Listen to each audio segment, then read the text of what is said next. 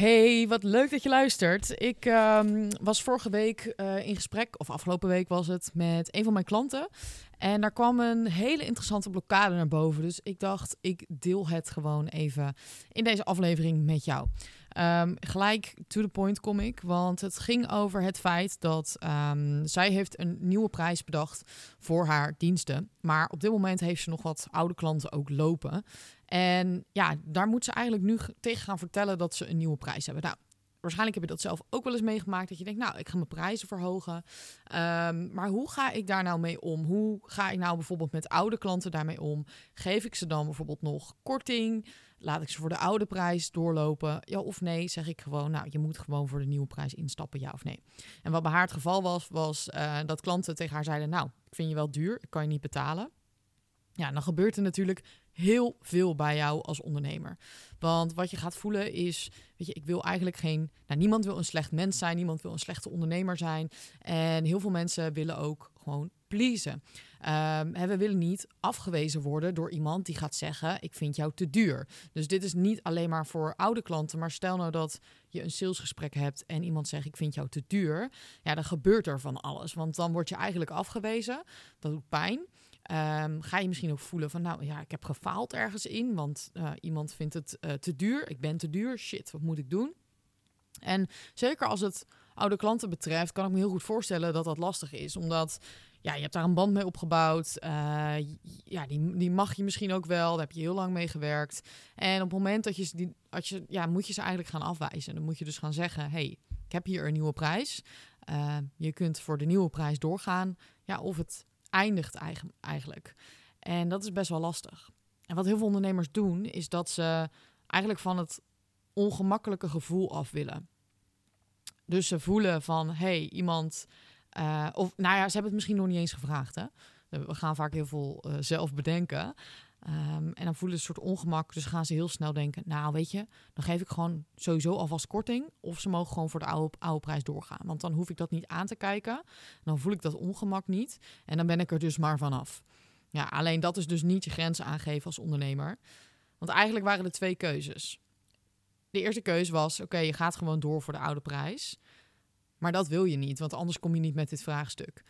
Dus die optie is er al niet. Dus er is maar één andere optie eigenlijk. Um, en die is gewoon, je moet door die zure appel heen. En je moet een commitment gaan vragen aan je klanten. En als jij hebt een prijs bedacht, en die prijs heb jij bedacht op basis van dit ben ik waard, dit is wat ik wil vragen. En dit is wat ook zorgt voor een commitment. Een verantwoordelijkheid die jouw klant gaat pakken. Want ze zei ook van ja, die, die oude klanten, die, ja, die doen eigenlijk ook niet zoveel. En dat is wat je best wel vaak ziet als het ook gaat om, om lage prijzen vragen voor wat je doet. Uh, ja, dan heb je aan de voorkant misschien dat mensen makkelijker instappen. Maar aan de achterkant, wat er dan gebeurt, is dat en mensen minder committed zijn, dus ze komen niet opdagen. Maar ook um, dat ze vaak moeilijker zijn. En dat je ook ziet dat ze bijvoorbeeld, uh, als ze dan uh, niks doen, dat ze alsnog daarna zeggen: Ik wil mijn geld terug.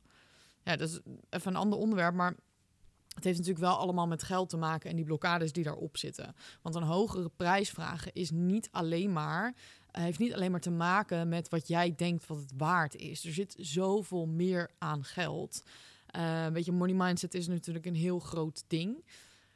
Maar op het moment dat jij uh, denkt, nou ja, dan verkoop ik dus makkelijker als ik een lagere prijs vraag, dan zit je dus precies weer op dat ongemakstuk. Hè? Van, oh, dan voel ik niet dat ongemak.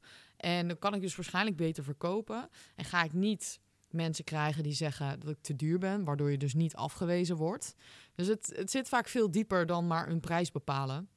En daarom geloof ik ook echt in om jezelf ook in prijs af en toe uit die comfortzone te duwen. Uh, ik zeg ook altijd, als je tien keer iets hebt verkocht, verhoog dan je prijs. Als jij nooit een nee krijgt voor je aanbod, dan is je prijs gewoon te laag. Als iedereen altijd het maar koopt, uh, dan is het te laag. En hierin heb je verschillende dingen, want tuurlijk, een instapproduct kan heel laag zijn, maar jouw hoofdaanbod, het aanbod waar jij de meeste tijd aan kwijt bent, ja, daar moet je gewoon echt een gedegen goede prijs voor vragen. En um, als je het even hebt over dat stukje verantwoordelijkheid pakken of die uh, commitment die klanten ja, niet hebben op het moment dat ze bijvoorbeeld een lage prijs hebben betaald. Ja, dat, dat zie je dus heel vaak. Hè? En dat is ook iets van hoe ga je daar dan mee om op het moment dat uh, iemand bij jou is ingestapt. En ze doen bijvoorbeeld helemaal niets. En daarna zeggen ze van nou, ik wil bijvoorbeeld stoppen of ik wil mijn geld terug, want ik heb er niks mee gedaan. Of het was toch niet iets voor mij. Uh, er is een situatie nu, ik heb gewoon niet zoveel tijd. Nou, weet ik veel. Ik, ik ga een paar maanden reizen. Noem maar op. Er zijn altijd redenen om iets niet te doen. Ik heb zelf heel veel geïnvesteerd. Ik heb cursussen gekocht. Ik heb coaching gedaan. Ik heb nog een cursus liggen. Ik denk dat ik daar drie keer in heb gekeken. En ja, ik heb het wel gedaan, maar ja, niet 100%. Um, ehm, maar wat er heel vaak gebeurt, en dat vind ik best wel interessant, is dat klanten wel eens naar me toe komen en zeggen van ja, ik heb iemand die zijn geld terug wil. Uh, wat, wat moet ik daarmee doen? Of iemand die zegt, nou, ik wil stoppen, wat moet ik daarmee doen? Ja, weet je, oké, stel, um, stel, ik ga eh, toevallig, ik ga zondag naar de film. We gaan naar uh, Oppenheimer, dat is een nieuwe, nieuwe film. Nou, en dan ben ik daar tijdens die film ben ik aan het kijken en ineens denk ik, nou, ik heb toch meer zin in die Barbie-film, want daar wil ik dus ook nog heen. En ik loop de zaal uit, dan ga ik toch ook niet mijn kaartje terugvragen. Ga ik zeggen, ja, ik, ik wilde toch iets anders, dus geef even mijn ticket terug. Nee, zij hebben gewoon die film geleverd die ik heb geboekt. Dus dan ga ik niet mijn geld terugvragen. Um, of als ik een auto ga huren op vakantie en ik kom daar aan en ik denk nee, ik wil toch alles te voet gaan doen. Ja, dan krijg ik dat geld niet meer terug van die auto. Snap je dus? Um, dan is het mijn keus en mijn geld. En dat ga je dus niet bij de ander neerleggen. Ja, dat is op een gegeven moment een soort van ontstaan van het is normaal om dus een refund te vragen. Um, maar het is natuurlijk niet het probleem van de ondernemer dat jij er geen tijd voor maakt. Of dat jij ineens geen tijd meer hebt om hetgene wat jij hebt gekocht om te gaan doen. Ja, dat is best wel vreemd eigenlijk. Dat we dat allemaal ook accepteren dat dat helemaal oké is. En ik ben ook echt niet de persoon die altijd zegt: nee, dat kan niet.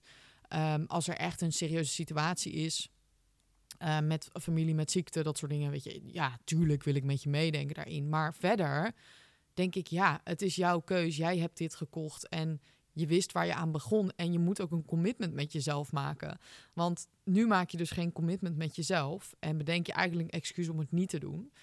Um, en desnoods doe je het later. Maar ja, ik heb ook maanden gehad, betaalde ik 2500 euro voor een coach. En ik had gewoon niks gedaan. Ik was niet bij die calls. Uh, dan ga ik ook niet zeggen, hé, hey, dat is jouw schuld. Nee, ik vind als ondernemer, tuurlijk, een cursus of een traject kan je zo inrichten dat je iemand remind van, hey, hallo, er is een coachcall en waarom ben je er niet bij? Dus een stukje verantwoordelijkheid ook pakken. Uh, maar aan de andere kant is dat niet jouw opdracht als ondernemer. Als jij iets verkoopt om daarna de hele tijd achter iemand aan te lopen van, hey, heb je het wel gedaan? En waarom ben je er niet bij? Dat kan je wel doen. En zeker, ik heb ook reminders van agendapunten. En ik zet het ook in de Facebook community van hey, we hebben een call, wees daarbij. En dat weten mensen ook al maanden van tevoren. Dus dat is een stukje prioriteit. En dat is dus ook gekoppeld aan geld. Want ik zie heel sterk dat um, op het moment dat er een verschillende prijs zit, dat mensen het niet voelen. Als de prijs te laag is, voelen mensen het niet. En ik zie dus ook dat de opkomst dan veel lager is dan als ik een hogere prijs vraag omdat de commitment dan veel hoger is, waardoor je klant dus ook betere resultaten haalt. Dus dat is echt heel belangrijk als je kijkt van joh, um, als je kijkt naar je prijzen, van niet alleen maar ja, wat is het waard hè, in tijd, want dat is vaak waarin we denken. Van nou ja, dit is het waard omdat ik er zoveel tijd in steek en mijn uurprijs is ongeveer 80 euro. Ja, zo zit het ook niet altijd in elkaar. Um, maar als je um, dus je prijs gaat verhogen en je denkt, nou ja, wat moet ik nou met bijvoorbeeld huidige klanten? Uh, moet ik die dan korting geven? Ja, ik zou dat echt niet aanraden om te doen. Als jij denkt dat jij daar beter van wordt en je klant ook, en het is een goede klant, en uh, weet je, het wordt een ambassadeur, kan je dat doen. Maar ik zou niet vanuit jezelf al die klanten bericht gaan sturen: hey, mijn nieuwe tarief wordt 500 euro, maar voor jou doe ik het nog voor 200. Want daarmee geef je ook een soort seintje af, denk ik. Van ja, eigenlijk ben ik een beetje onzeker hierover. Ik zou het gewoon de prijs noemen op het moment dat ze zelf zeggen: Nou ja, weet je, dat kan ik niet betalen. Kan je altijd nog een beslissing maken. Maar het is wel door een zure appel heen. En ja, vooral ook uh, dat stukje ongemak gaat dat niet uit de weg. Want dat is waar je gewoon doorheen moet en waar je van groeit. Um, dus hè, kijken ook van als je je prijsbepaling doet, of je een garantie geeft, of je uh, een refund doet, ja of nee. Want als jij dat niet wil en jij wil niet dat mensen daarna tussentijd stoppen, ja, dan moet je dat gewoon in je checkout neerzetten. Dan moet je dat in je algemene voorwaarden zetten. Dat mensen dat ondertekenen van hé, hey, je kan tussentijds niet stoppen. Alleen met bepaalde redenen. En die kan je dan ook bijvoorbeeld noemen. Dus het is eigenlijk een kwestie van heel duidelijk communiceren. Ehm, ja, en, en ik denk dat dat wel iets is wat we wat meer mogen gaan doen. Ehm, ja, het, dit. Ik moet dit even een beetje genuanceerd zeggen, maar. Uh, hoe ik dit best kan overbrengen. Kijk, we hebben allemaal aan de ene kant natuurlijk wat meer. We hebben vrouwelijke energie, we hebben mannelijke energie. Ehm, als je met vrouwen werkt, nou ja, dan zit je vaak wat meer in de vrouwelijke energie, wat, wat logisch is natuurlijk.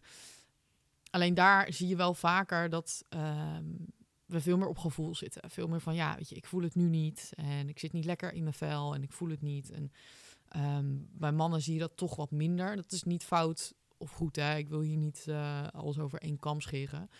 Uh, maar dat is wel goed om over na te denken van ja, dat gaat gewoon anders. We zijn ook anders en we zijn anders gebouwd. En hormonen, nou, dat is weer een heel ander uh, verhaal.